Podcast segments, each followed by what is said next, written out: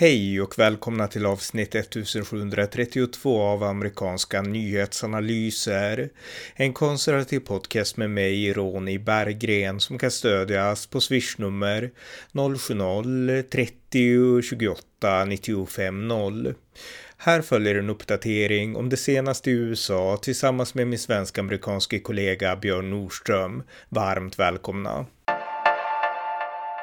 Björn Nordström, välkommen. Tack så mycket. Vi ska uppdatera lite om det senaste i USA och eh, ja, eh, har du något du vill börja med?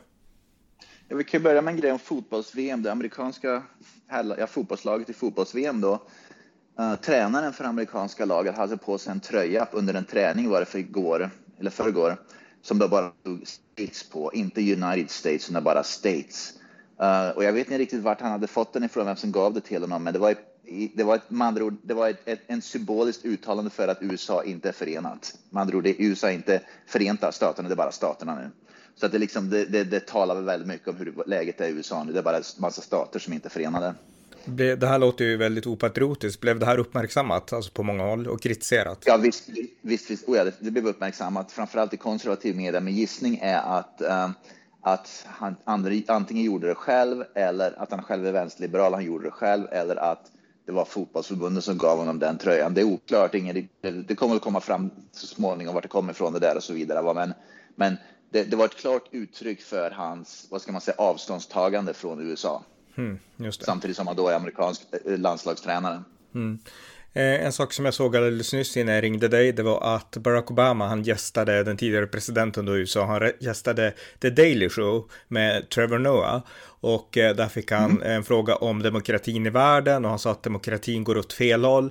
Och sen sa han så här att man har precis fått in ett högerparti i Sverige och vi brukade alltid tänka att svenskar, det är roliga, det är så avslappnade och demokratiska, eller hur? Men om det kommer många invandrare börjar folk plötsligt bli, bli nervösa. Så att jag menar, Barack Obama har alltså gett en ganska direkt pik mot Sverigedemokraterna på, på The Daily Show. Ja, det har faktiskt inte talats om, men det förvånar mig inte ett skvatt. Va? Allting som är till höger om Demokraterna i Sverige, eller som, som ogillas eh, från Demokraterna, det är ju naturligtvis, det blir, det, Obama har tyvärr, han är ganska, han är, hoppar lite fram och tillbaka. Å ena sidan så är han emot woke-rörelsen, men å andra sidan är så piken av Sverigedemokraterna, så jag är inte riktigt säker på vart Obama egentligen står. Nej, jag tänkte vi kan spela det klippet på Obama, det är här är det klippet. The other thing that happens is these countries are becoming less homogeneous, right? And so you just had a um, a right-wing party in Sweden which we always used to Swedes, right? They're oh, they're so chill and democratic, yes. right? But if you've got a whole bunch of uh, immigrants coming in, suddenly people start getting nervous. Så det var klippet på Obama och eh, alltså låt oss ställa det i kontrast till en annan tidigare president, nämligen Donald Trump. Det var ju nämligen så här att den 18 februari 2017 så uttalade sig Donald Trump också om Sverige och eh, Donald Trump han kritiserade då invandringen i Sverige. Han hade sett ett inslag ja. på Fox News och Trump sa det så här på sitt rally där eh, 18 februari 2017. You look at what's happening last night in Sweden. Sweden. Who would believe this? Sweden. They took in large numbers. They're having problems like they never thought possible. Så det var Donald Trump och jag menar om de här två klippen, det enda man kan säga är att Trump hade helt rätt och Obama helt fel. Ja, visst hade ju Trump rätt. Jag menar, det, det, det, spelar ingen roll vad egentligen Obama tycker. Verkligheten som, som många svenskar lever i, det talar ju för sig själv. Så det, det, det är synd, tyvärr, att Obama, vad ska man säga, han smutsar ner sitt eget rykte Eh, som en statsman och före detta statsman genom att, att, att, säga saker och ting utan egentligen veta vad som egentligen pågår. Va? Men det är väl så ungefär vänsterliberaler fungerar väldigt ofta, både i Sverige och USA. Man nekar verkligheten, det ser vi inom USA med att man förnekar många liksom, vanliga människors liv och hur de lever och problemen de upplever. Det är liksom sopar man under mattan. Verkligen, men jag tycker det här borde kläda av nidbilderna. För jag menar okej, okay, de här som är de ultraliberalerna i Sverige och socialister och så, de håller säkert med Obama att nu har vi fascister som styr Sverigedemokraterna liksom. Men jag menar, normala vanliga journalister i Sverige som kanske har lutat lite vänster och föredragit Obama, de kan ändå helt klart se att Obama har fel här när han klumpar ihop Sverige, Sverige med liksom mer auktoritära länder. Det, det, är inte så, det vet alla ärliga journalister i Sverige vet att det inte är så. Eh, och alla ärliga journalister, de vet också, åtminstone nu så här fem år senare, att det Trump sa om förorten, jag menar 2017 så var det fortfarande, det var en brytpunkt. Det var fortfarande många som inte kände till det som hände med bränningar och skjutningar och liknande, men därefter så började ju folk vakna, liksom Peter Springare kom och berättade om det som hände i Örebro och liknande. Så jag menar, alla ärliga journalister idag, de skulle säga att Obama hade fel, men Trump hade rätt. Jag menar, för det är det enda ärliga. Det vi ser här i USA mycket, det är ju det att att Obama, han, hans vad ska man, status har sjunkit de senaste tre, fyra, fem åren därför att ju, ju, ju, fel, ju mer fel de har, desto färre personer lyssnar på dem. Och tyvärr så har Obama, jag lyssnade på honom, jag tyckte han var liksom, han, han hade huvudet på rätt ställe för en 6, 7, 8 år sedan. Alldeles, nej, det, var liksom, det var hyfsat med honom. Va? Men ju mer han säger saker och ting som är bokstavligen verklighetsfrånvändade eller faktafel helt enkelt, färre och färre människor lyssnar på honom. Mm. Det går liksom inte att förneka verkligheten och tyvärr tror jag att Obama har hamnat i ett sånt läge nu när han börjar, när han börjar liksom nästan skämma ut sig lite grann. Därför att han, han, han vill stå på rätt sida, moraliska rätta sida som han tycker, men å andra sidan så blir det fel i verkligheten. Mm.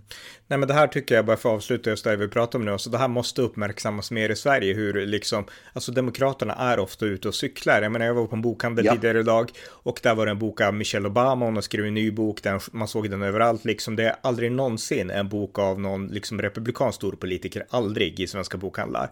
Men där fanns det liksom Michelle Obama, liksom, så jag menar, man får ju det här narrativet fidat att demokraterna har alltid rätt och republikanerna, de behöver man inte ens lyssna på. Jag menar, men här har vi praktexempel på att Obama har fel, helt enkelt. Visst, och han har, ju, han har ju alltid haft en rockstjärnestatus i globalt och även i USA men också i Sverige.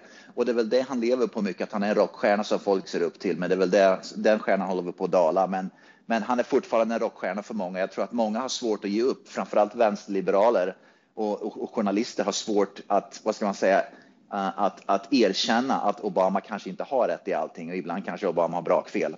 Mm. Det är det jag tror att journalister ofta har lite fel. Man vill inte erkänna att, att man, den guden man har liksom avgudat under många år kanske inte riktigt är en gud. Han kanske till och med har fel. Mm, exakt.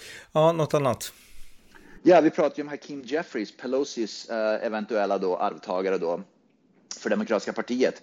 Och han är i alla fall en supporter av uh, reparations, som vi har pratat om för länge sedan då, utan uh, om han då tar över efter Pelosi så tror jag att om han tar över efter Pelosi och låt säga om två år, eh, kongressvalet om två år, då, 2024, om Demokraterna vinner och Jeffries då blir, eh, blir um, uh, majoritetsledare i, i, i, representanthuset, då blir förmodligen uh, reparations en, uh, på agendan där, mm. tyvärr.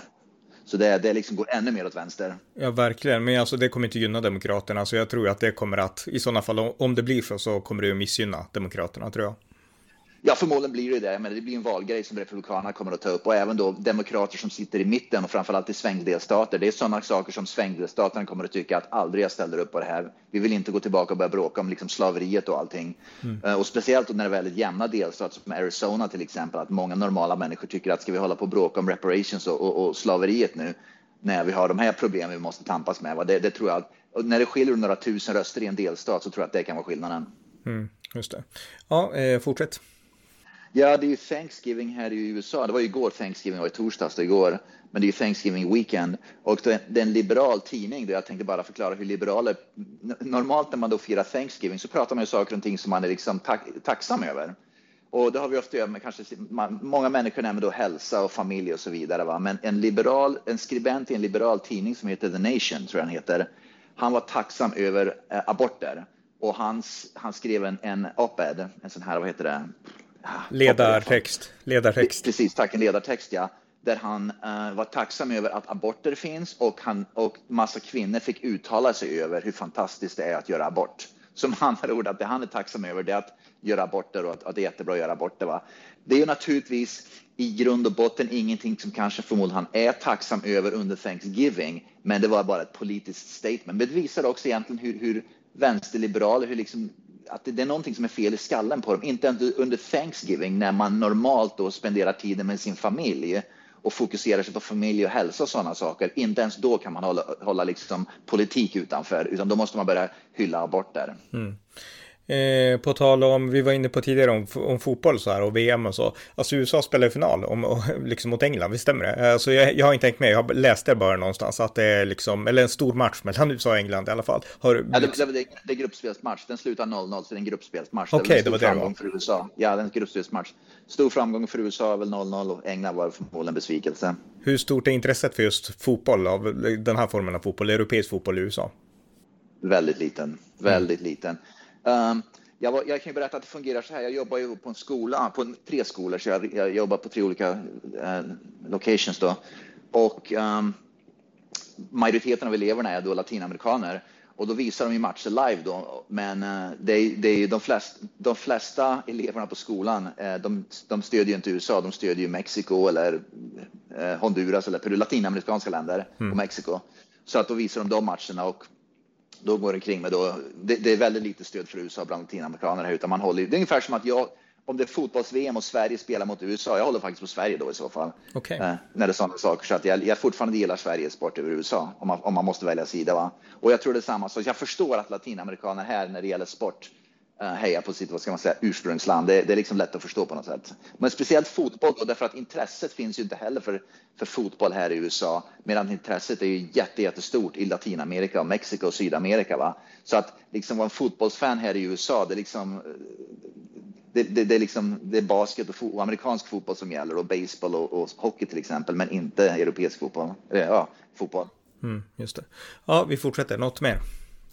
Ja, Elon Musk har ju reinstated massa av de här kontona som blev avstängda. Så det är inte bara Donald Trump, utan det är massa, han kallar det för amnesti. Han har givit då massa konservativa som blev avstängda då från Twitter. Han gav dem amnesti, med andra ord, de fick tillbaka sina konton.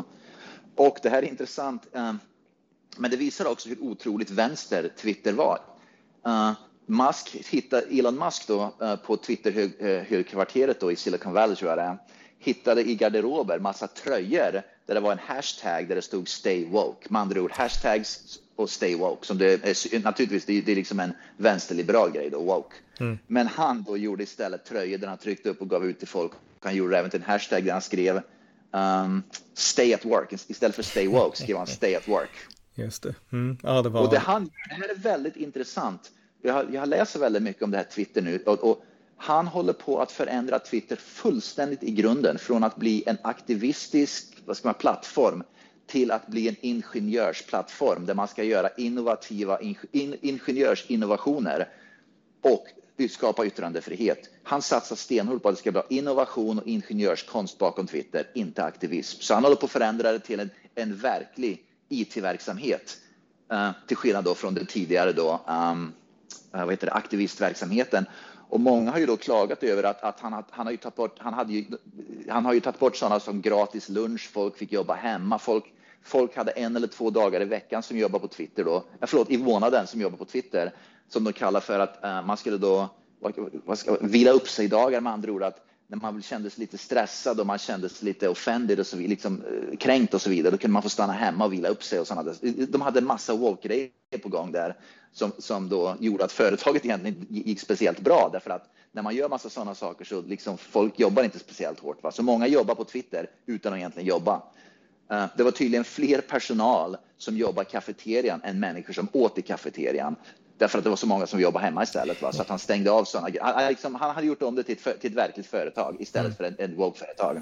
Ja, intressant. Alltså, det ska bli jättespännande att se hur han lyckas liksom, gå vidare med det här och om Donald Trump kommer att börja bli aktiv igen där. Ja, det, tror, det, det, det blir intressant om Trump, om Trump kommer att gå ifrån Truth social media, eh, media eller om han kommer att um, stanna kvar på Truth och inte göra någonting på Twitter. Det vet vi inte än, vi får se. Mm. Ja, eh, något mer? Ja, i delstaten Pennsylvania, det här är ju väldigt intressant. Vi pratar mycket om att olika skoldistrikt runt om i USA, de vill ju undervisa de här, vad heter det, uh, race theory, mm. rasteorier och, och de här, de grejerna. Va? Och då var det ett, uh, en lag som finns i Pennsylvania som förbjuder, en lag som förbjuder undervisning i skolor av uh, rasism och sexism. Men det är ett skoldistrikt nu där skoldistriktet har bestämt att man man ska strunta i den lagen. Istället ska man undervisa rasism och sexism. Men det är inte liksom den vanliga rasismen och sexismen som vi tänker på, utan det är det, det, det, är tydligen en svart, en svart kvinna som leder det distriktet. Så att min gissning av vad jag förstår av läst det hela, så är att man ska få undervisa rasism och sexism så länge det gynnar svarta. Mm. Och det, det, är det som critical race theory är egentligen. Precis, så jag menar, exakt. Ja, så att, eh, ja, nej precis. Och det visar just det här, det här hyckleriet då, att rasism är okej okay, och vi får undervisa det så länge det är, vi, vi liksom undervisar att det, det, den svarta etniska gruppen, eller rasen om vi kallar det för, att den är överlägsen. Då går det bra att undervisa den, men ingen annan. Så får man inte göra. Va? Och för mig är det som att vi ska ändå undervisa överhuvudtaget sånt där. Det hör inte hemma i skolorna, det hör inte hemma i samhället att hålla på med sånt där överhuvudtaget. Va? Men det i alla fall så att, så att rasismen som har en gång varit och sen försvann börjar komma tillbaka. Men nu är rasismen istället den raka motsatsen till vad det var för kanske 10, 20, 30, 40 år sedan, liksom under segregationen. Verkligen, Nej, men alltså det är så viktigt att påpeka att det här är rasism, det är ingenting annat liksom. Eh, ja. ja, något mer? Ja, det var en masskjutning i, Colorado Springs i Colorado för några dagar sedan. Det var en, en gayklubb, en HBQT-klubb som blev Eh, en person som gick och, och sköt ihjäl, jag vet inte hur många, det var sju, åtta stycken som dog tror jag av det där. Och media har väldigt svårt med det här, för personen som var gärningsmannen bakom det hela eh, är en non-binary, med andra ord, varken en man eller en kvinna. Va? Så att media här i USA, framförallt vänsterliberal media, har väldigt svårt att skriva om det här därför att det är en non-binary, en icke-binär person som är gärningspersonen bakom det här. Och det blir väldigt svårt för vänsterliberal media att förklara just för att deras förhoppning det var ju då att det skulle vara någon konservativ, homofobisk republikan som låg bakom, men det visade sig att så var det ju inte. Va?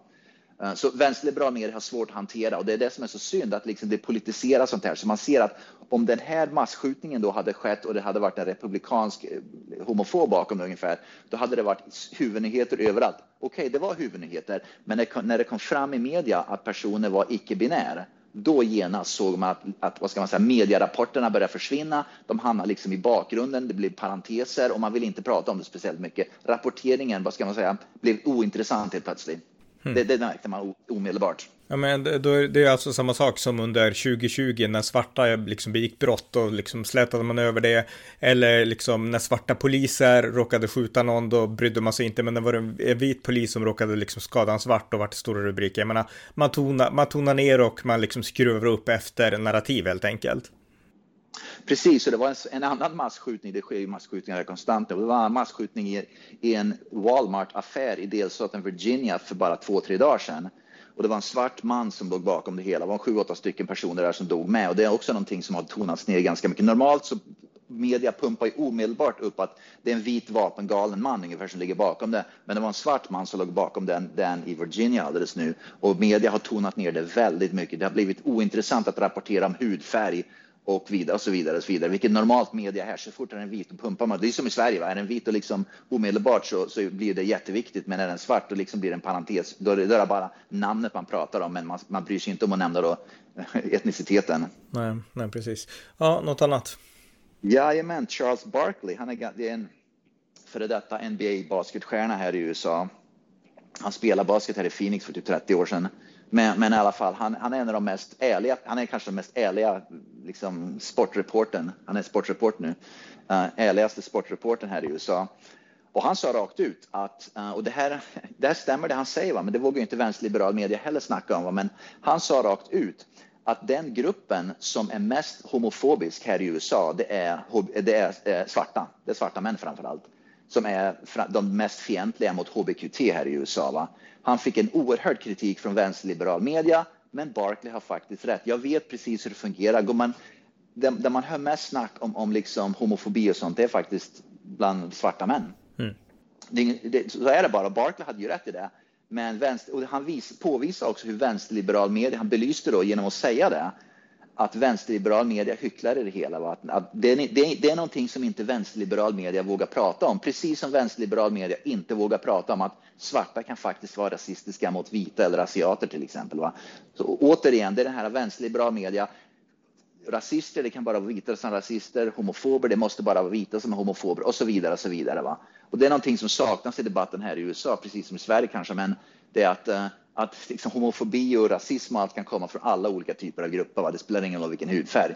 Och det är viktigt att vi pratar om det också, att det, det liksom är, ja, det är så verkligheten fungerar. Ja, verkligen. Men sen om man ska dra det krasst, och det har ingenting med ras att göra, men det blir ändå liksom i viss mån med ras, liksom rent ytligt. Därför att jag menar, majoriteten av västerlänningar i liksom Europa och i USA, där är männen väldigt liksom ödmjuka mot kvinnor och som respekterar kvinnor. Man ser verkligen ingen skillnad på liksom värde mellan män och kvinnor. Man kan acceptera en kvinna som chef. Jag menar, gå till Afrika, gå till den muslimska världen, kvinnorepresentationen, oh ja. det finns inga likheter liksom. Och även i Asien, jag menar Kina och så här, liksom, de kan vara socialistiska, men de har inte samma syn på kvinnor som vi har i väst. Och väst består primärt av vita, och det här har inte med ras att göra, utan värderingar och kultur liksom. Men liksom, väl, alltså våra värderingar och vår kultur består av ett vitt majoritetssamhälle. Det var vita som historiskt byggde upp det. Sen ska man inte ens behöva prata ras här tycker jag, för det handlar inte om ras utan om värderingar. Men liksom om man ska lägga det ena mot andra så kan man ju liksom inte utmåla en grupp som rasistisk, alltså bara vita, när det är sanningen är tvärtom. Precis, ja, det, det, Fotbolls-VM i Qatar belyser problemet som vänsterliberaler här i väst äh, står inför. Man vågar inte erkänna att Qatar tillhör den muslimska världen med islam. islam va?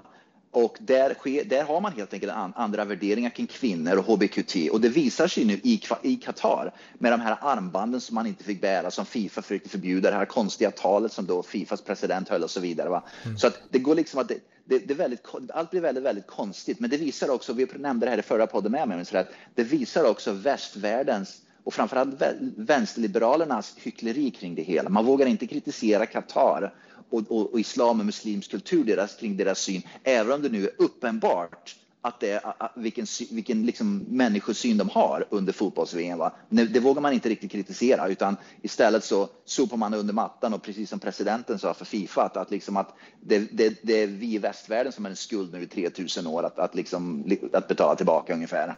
Mm. Ja, alltså, det var helt vanligt, vansinnigt men alltså han hette, Fifas president heter Gianni Infantino heter han. Och eh, ja. alltså jag är ingen sån sportkille så att jag har inte alls hängt med egentligen i det här. Men jag menar, han sa något i stil med att alltså väst har, eh, vilka vi att gnälla på Qatar därför att vi har ju liksom, Precis. så här sa han, nu har jag citatet här, med tanke på vad vi europeer gjort runt om i världen de senaste 3000 ja. åren så borde vi be om ursäkt i de kommande 3000 åren innan vi delar ut moralkakor, sa Infantino. Jag menar, där visar visar verkligen hur pass, eh, ja, alltså hur pass värdelöst och konstig och liksom, liksom deprimerande syn han har på väst. Alltså, det här är en person som har blivit hjärntvättad i det här postkoloniala vänstertänkandet. Där ja, han tror att väst är skyldig till allt, men sanningen är ju, det är ju väst återigen, det är vi som har respekten för homosexuella och liknande. Man har inte det i Qatar, precis som du nu sa liksom. Så jag menar, han, han, han liksom, ja, han skjuter, ett stolpskott är väl rätt ord i fotbollssammanhang. Ja, absolut. Jag såg framför, bara för att hoppa, för gå vidare på det snabbt, sen gå vidare till amerikanska mm. nyheter igen. Mm. Jag såg att Danmark och några, fler, sju andra länder i Fifa avväger nu att hoppa av, att helt enkelt, vad ska man säga, uppsäga sig från Fifa, att hoppa av Fifa, därför att eh, Fifa hycklar för mycket kring det här. Så att det här kan nog vara ett, oj, det här silver lining, det kan ju då vara att det här visar sig nu öppet. Alla ser liksom hur, vilket hyckleri det är, hur galet allt det här är. Det kan ju göra att det kanske sker en förändring vad gäller Eh, västvärldens inställning till att vi måste bli klarare med våra värderingar och kunna, vad ska man, våga stå för dem, även när, det, när vi står inför Qatar. Mm, ja, verkligen. Eh, på tal om, eh, ja, på tal om amerikansk politik igen då. En tråkig sak tycker jag, för att jag hade ett visst, eh, viss relation till honom, det är att George W. Bush talskrivare Michael Gerson, han har avlidit. Han blev 58 år och han drog, dog i sviten av cancer. Och det här var ju en stor person, alltså det här är, de som bedömer Michael Gerson, han är ju inte alls lika känd som de här Sörensen och de här hette, alltså Ted Kennedys talskrivare och liksom Peggy Noonan och de här som jobbade åt Reagan. Men han är ändå en otroligt stor talskrivare.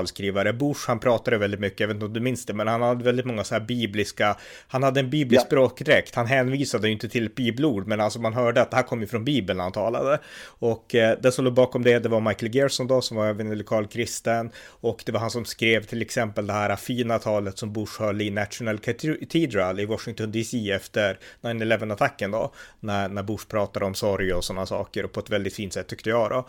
Men han har dött och jag tycker att det är jättetråkigt, därför att jag har läst hans bok, den heter Heroic Conservatism, heter den. Och den är suverän, mycket läsvärd och så. Så att uh, Michael Gerson avliden, tänkte jag bara berätta. Mm. Ja, något mer? Inte Nej, något mer? Ja, vi pratar ju mycket om Bill Maher. han är ju då en komiker, filmmaker och, och han är väl en, en, kommentator på verkligheten här i USA. Han är då liberal, vänsterliberal, men han kritiserar vänsterliberalismen mer och mer och mer för att, för att eh, naturligtvis så ser han inte vad som sker med den. Men i alla fall, han sa bara för några dagar sedan att um, och på tal om universitets, uh, universiteten här i USA. Han sa att det är helt ruttet och uh, det ruttna här i USA, det kommer från, uh, från högre, från universiteten som andra han kritiserar och alla vet att universiteten är vänsterliberala så att han gav universiteten att det är liksom det ruttet det som sker på universitet runt om i USA. Ja, det är bra. När han har verkligen blivit en stark röst för frihet i liberala kretsar ska jag säga. Så det, det är jättebra, verkligen. Eh, ja. ja, jag kan också nämna... Snabbt. Ja. ja, förlåt, jag tänkte ja, snabbt bara... Ja, gör det. Mm. Jag tänker man att Chuck Schumer för några dagar sedan, bara för att tala om in, illegal invandring här i USA. Chuck Schumer i tal sa för några dagar sedan bara att uh, Demokraterna inte vill ha uh, någon, någon skillnad i immigrationslagarna här i USA. Man är nöjda med det som är. Med andra ord, man vill ha illegal invandring. Mm. Ja. ja, fortsätt om du hade fler saker. Ja, just ja. Eh, på tal om eh, Twitter, jag glömde nämna det förut, på tal om Twitter, va? CBS, stora tv-kanalen, vänsterliberala tv-kanalen, för, för ett par veckor sedan, alldeles efter Elon Musk köpte upp Twitter, då gick CBS ut och sa att de kommer att bojkotta Twitter nu. De vill, de vill de behöver eh, pausa Twitter och tänka om därför att Musk håller på med, han tog över Twitter och så vidare och så vidare. Va? Men det tog bara 48 timmar och sen var CBS tillbaka på Twitter och började twittra igen. Så att mm. många av de här som snackar om att vi måste bojkotta Twitter och så vidare, va? det påminner väldigt mycket om när Trump vann valet 2000, 2016. Nu kommer vi fly från USA, men likfasen stannar man i USA. Va? de som pratar om att man ska bojkotta Twitter, de börjar komma tillbaka nu därför att de inser att oj då, vi förlorar massa, vi förlorar vår röst nu, vi förlorar massa massa, vad ska man säga, uh, likes och så vidare. Va? Så man kommer, de kommer tillbaka. Ja, jag menar det här visar återigen alltså hur, hur blinda journalister är. Jag hörde en journalist nyligen idag faktiskt från USA som pratade om Trump och de menade att Trump, han börjar bli gammal han också, precis som Joe Biden och han, han, han, ja. ram, han rambles och så här. Och om man lyssnar på hans hela tal, om man är på hans rallyn, då är, han kan bara snurra iväg och han vet inte vad han säger liksom. Jag menar, jag personligen skulle säga, för jag har sett otaliga Trump-rallyn, du har sett många också. Jag menar, det Trump ja. gör, det är ju tvärtom. Han, det är ingen rambling, utan han gör bara ett sidospår. Och det som gör honom så unik, det är att han säger någonting, sen kör han ett sidospår för att han är upprörd eller för att han vill säga något roligt. Och sen kommer han alltid tillbaka, han tappar aldrig tråden, utan han hittar alltid Nej. tillbaka till det. Och, och de får det till att vara att han, ja, han kan inte hålla tråden, men det är exakt tvärtom. Ja. och det är det de inte fattar. Så har det alltid varit, ja. precis. Ja.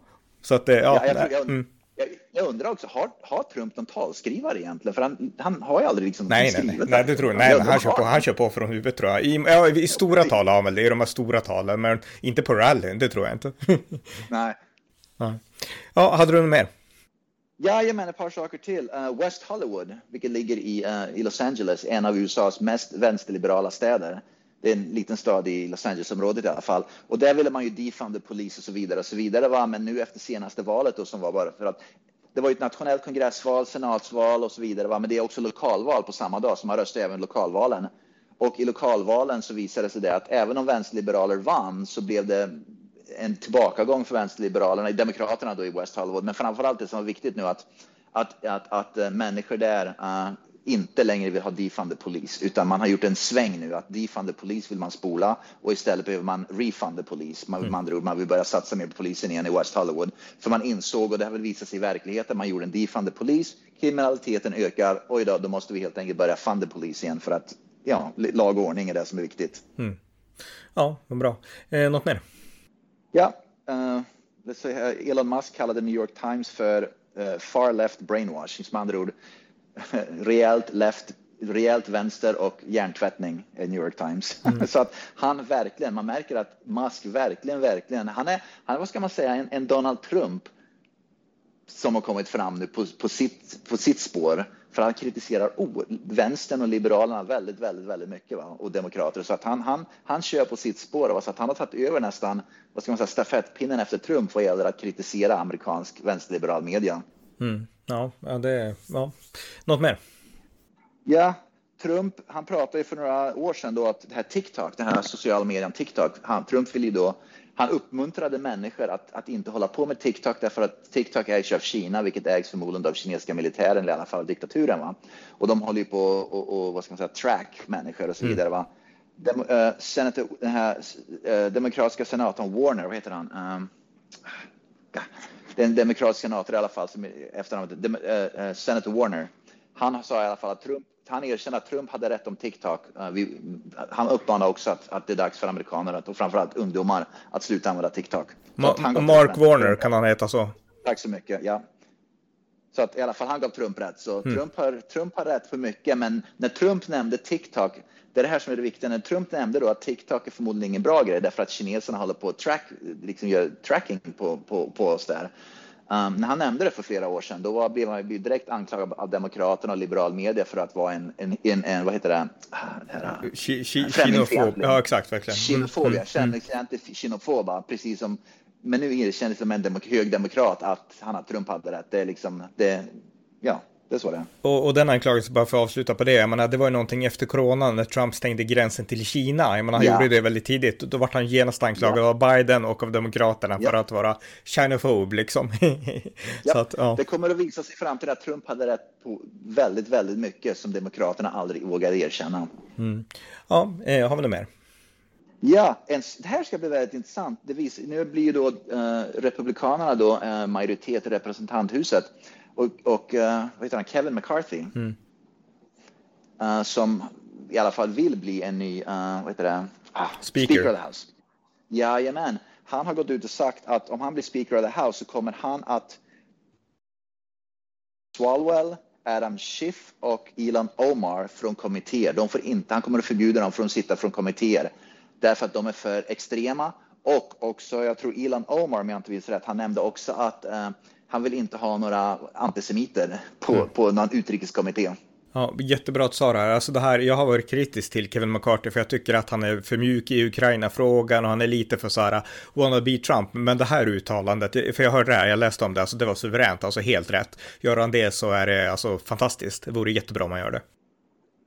Ja, det, sätter också, det, sänder, det sänder ju väldigt kraftig signal, framförallt till Ilan Omar, därför att hon är ju en öppen antisemit, det är ju inget snack om det. Va? Mm. Och jag vill inte att det ska sitta en öppen antisemit i amerikanska höga kommittéer, politiska kommittéer. Va? Det är liksom, det är, det är skandal bara det, mm. att hon blir framröstad, men hon blir framröstad då i sitt distrikt i Minnesota, Minneapolis, det är i den somaliska, av den somaliska diasporan och de vill antisemiter de också kanske, vad vet jag. Mm. Men att, att, att, det ska, att man röstar fram en antisemit och som ska kunna påverka amerikansk politik och kanske utrikespolitik gentemot Israel, det är ju fruktansvärt alltså. Ja, verkligen. Och på tal om det så Benjamin Netanyahu, Israels nyvalda och återvalda premiärminister och han har ju släppt en bok som heter Bibi. Jag har inte läst den, men han gör nu mängder av intervjuer med inte minst amerikanska predikanter. Han har intervjuats av ganska många. Det finns på YouTube YouTube och se bara de senaste dagarna det över, över Zoom eller över någon sån här nättjänst. Men han, han har vänner i USA och eh, han liksom, ja, alltså det, det, det, det, det är dit jag vill komma. Alltså, Israel har fortfarande många vänner i USA, oavsett Ilan Omar.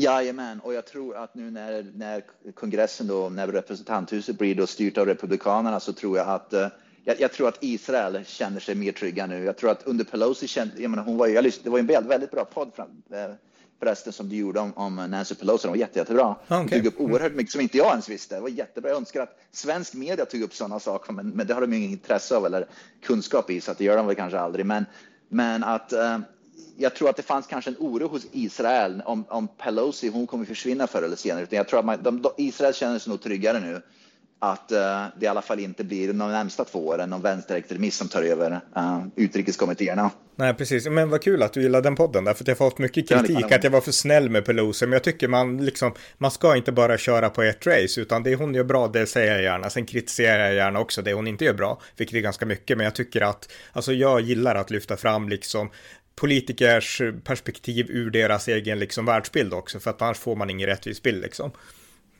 Ja, och det jag tyckte var väldigt, väldigt bra med Pelosi, det var framför du underströk det, att, att hon hade ett, ett hon var hon hade liksom grepp på verkligheten kring The Squad, kring mm. Omar och Alexander Casey Cortez och det. Och det gav respekt. Det, det, Pelosi fick min respekt på det i alla fall. Hon mm. begrep mm. att den falangen är inte en bra falang, att det är ett problem med den falangen. Hon höll dem kort. Hon lät dem inte vad ska man säga, härja hejvilt, utan hon liksom höll stången mot dem. Mm. Och det tyckte jag var väldigt bra, att hon vågade.